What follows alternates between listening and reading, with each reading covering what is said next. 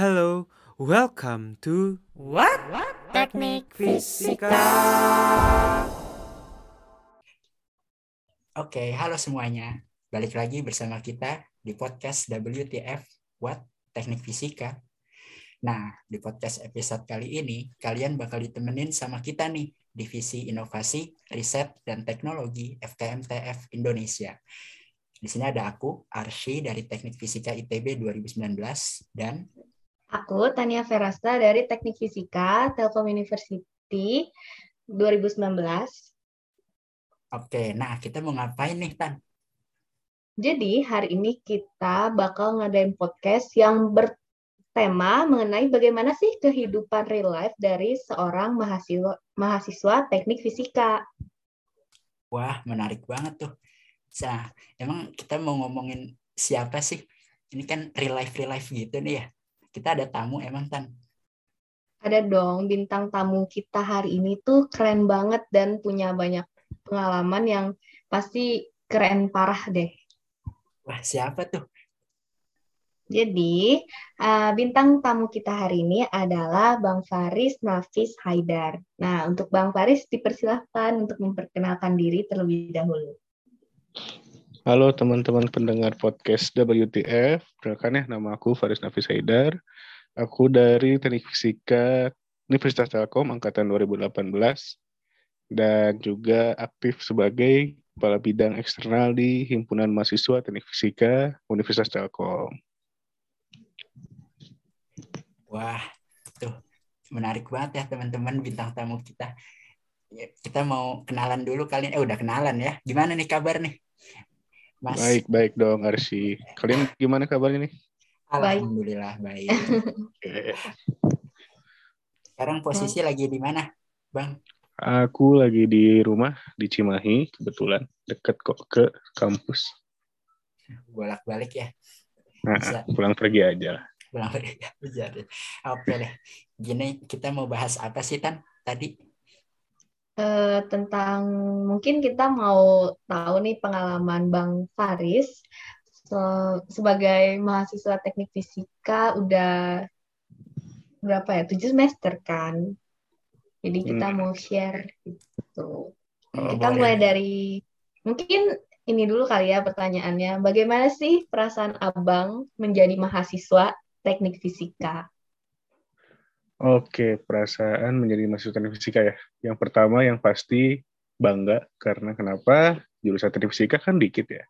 Dan juga anti mainstream banget nih jurusan karena uh, namanya namanya teknik fisika tapi kita belajar banyak banget uh, ilmu disiplin ilmu yang uh, kombinasinya banyak gitu ya. Mulai dari teknik mesin kita belajar, elektro kita belajar, fluida kita belajar dan sebagainya gitu. Jadi ya ada rasa bangga dan juga uh, senang aja gitu karena beda dengan jurusan lain gitu.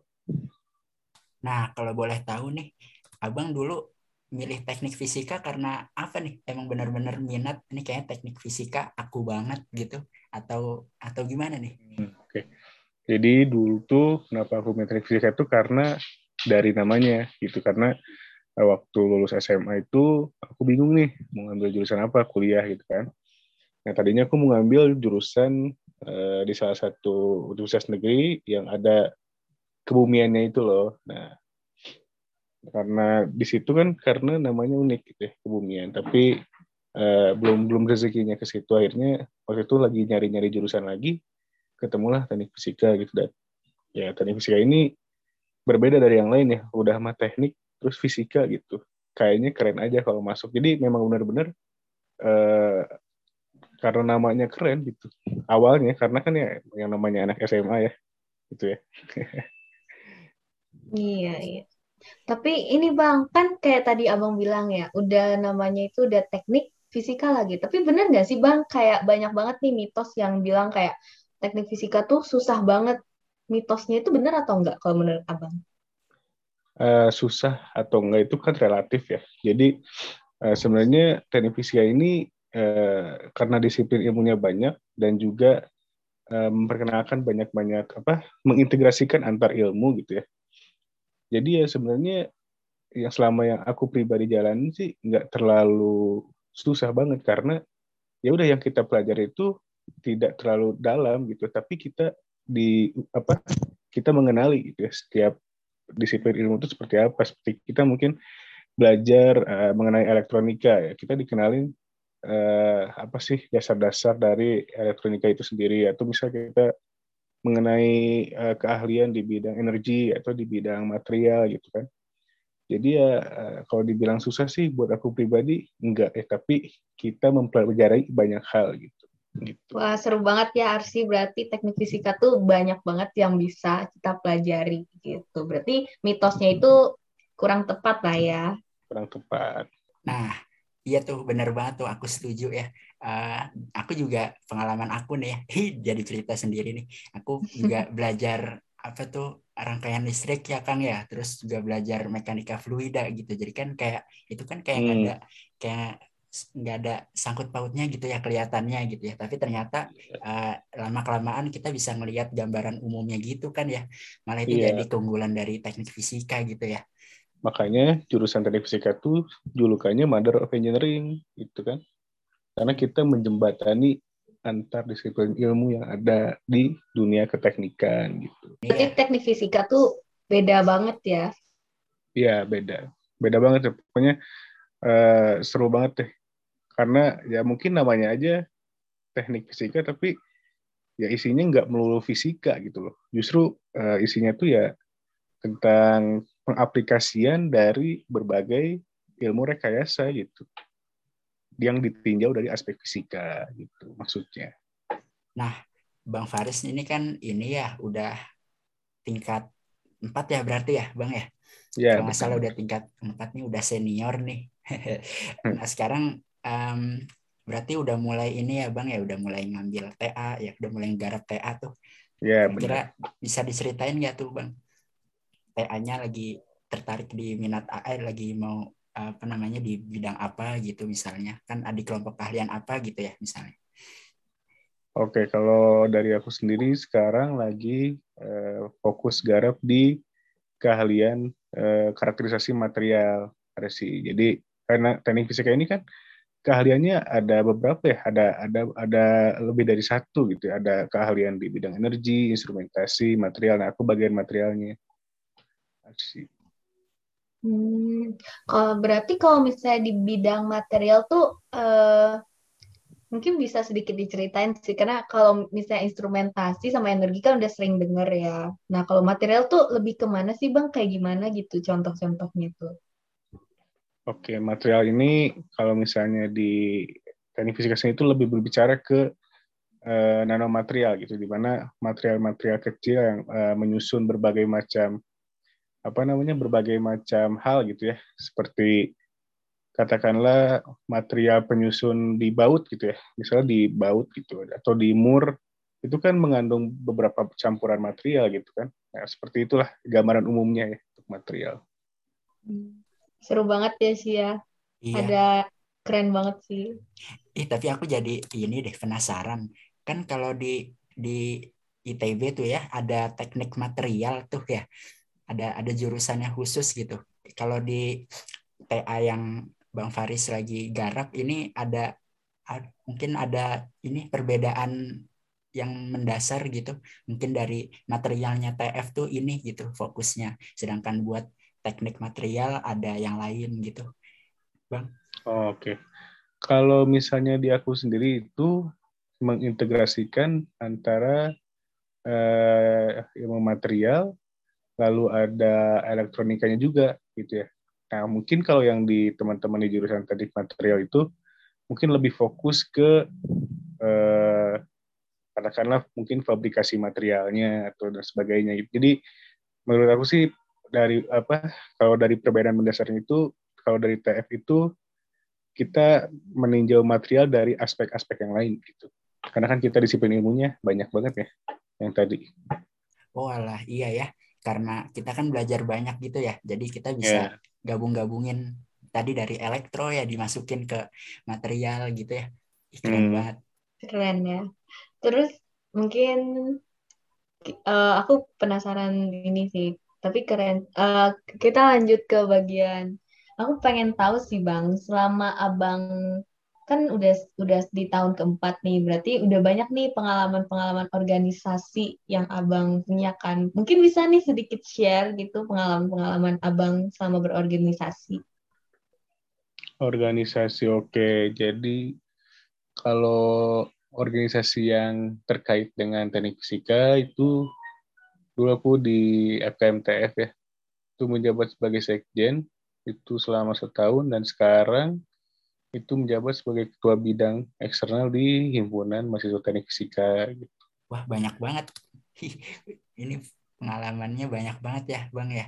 Nah aku jadi penasaran kira-kira gimana sih Bang cara membagi waktunya gitu? Kita bisa balancing antara uh, kegiatan organisasi chaos-chaos uh, rapat meet segala macam dengan ini akademik gitu ya kebutuhan akademiknya.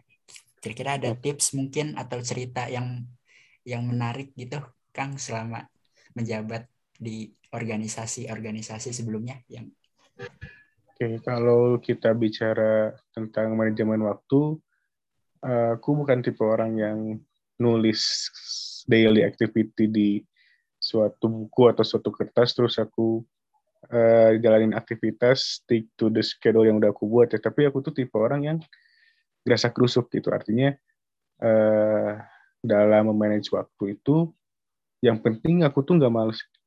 Nah kalau misalnya kita nggak males itu aktivitas dan waktu tuh keatur sendiri gitu. Selama kita nggak males kita nggak menunda-nunda ya selama yang aku jalanin itu ya nggak ada chaos chaos yang bentrok dan sebagainya. Karena ya kalau misalnya kita dikasih tugas nih tugas kan tugas kuliah ya langsung selesai gitu. Jadi kita punya banyak waktu untuk mengerjakan hal lainnya gitu. Jadi kalau berbicara soal manajemen waktu tadi yang penting jangan males aja. Dan jangan menunda-nunda gitu. Nanti Tuh. aktivitas dan waktu kalian tuh keatur sendiri kok. Bener banget. Yang penting kadang-kadang tuh relate banget sih kayak banyak kegiatan yang membuat kita tuh lama-lama kayak ih males males nunda. Jadi nunda nunda nunda jadi nggak ngerjain deh. Kan, ya? jadi ketumpuk kan iya bener. Numpuk numpuk ya tan ya oke nah tadi abang udah cerita banyak banget nih dari perasaan sebagai mahasiswa, mitos-mitos yang salah tentang TF, pengalaman abang sebagai mahasiswa. Sekarang aku pengen deh abang kasih sebuah pesan dan uh, pesan deh buat adik tingkat atau calon calon mahasiswa yang pengen masuk ke teknik fisika? Oke, yang pertama mungkin untuk uh, teman-teman adik tingkat ya yang sekarang menjalani teknik fisika itu mungkin ya saya ngerasain juga kalau misalnya kalian capek dan sebagainya, tapi uh, apa pun yang kalian lakukan itu pasti akan ada hal baik sesudahnya gitu. Itu yang aku rasain sekarang karena ya dulu aku belajar struggle di uh, beberapa mata kuliah teknik fisika yang mungkin aku bergumam gitu ya. Duh ini belajar ini buat apa sih? Belajar ini buat apa sih? Tapi ternyata aku berusaha dari ternyata yang aku pelajari itu uh, yang bagus tuh esensinya ternyata. Bisa uh, sekarang dari kita belajar mata kuliah tertentu kita jadi bisa berpikir secara runut berpikir secara sistematis analitis dan lebih kritis juga terhadap suatu masalah karena teknik fisika ini kan uh, menurut aku ya sebagai jurusan yang problem solver terhadap banyak isu yang ada gitu ya. Nah untuk kalian yang sedang menjalani kuliah teknik fisika jangan khawatir kalian tuh tersesat di jalan yang benar gitu. Nah untuk adik-adik uh, teman-teman SMA ya yang misalnya mau tertarik nih join teknik fisika tapi ragu ya karena udah namanya teknik dan fisika tenang aja. Karena isinya tuh bukan fisika mulu gitu yang kalian pelajari di SMA tuh enggak. Tapi kita bakal belajar banyak hal gitu ya. Kalau misalnya kalian ingin belajar tentang mesin kita juga belajar. Kita uh, tentang energi terbarukan juga kita belajar. Jadi kuliah di jurusan teknik fisika tuh seru banget kok. Ya, jangan ragu untuk masuk ke teknik fisika gitu dari aku. Tuh, teman-teman ya jangan ragu buat masuk teknik fisika gitu ya. Itu keren banget sih. Nah, um, mungkin kalau bisa aku recap boleh ya bang ya. Uh, jadi tadi uh, sebenarnya banyak banget gitu yang udah Bang Faris sampaikan ke kita gitu. Mungkin teman-teman yang dengerin podcast WTF ini uh, bisa dicatat nih, di, diresapi wejangan dari Bang Faris gitu ya bahwa sebenarnya apa pun yang kita lakukan itu pasti akan ada hal baik gitu ya sesudahnya gitu. Dan teknik fisika itu luas banget memang gitu ya. Dan mungkin teman-teman merasa sekarang ya belajar ini itu kok kayaknya buat apa gitu ya ke depannya dan ternyata ada manfaatnya gitu. Kita bisa belajar buat berpikir menjadi uh, pola pikir kita jadi lebih runut gitu ya. Gitu. Jadi jangan jangan sedih kalian tersesat di jalan yang benar gitu ya mas ya. Benar benar banget. Benar. Keren keren. Nah dari pesan dan semua isi yang udah banyak banget hari ini, pokoknya keren banget.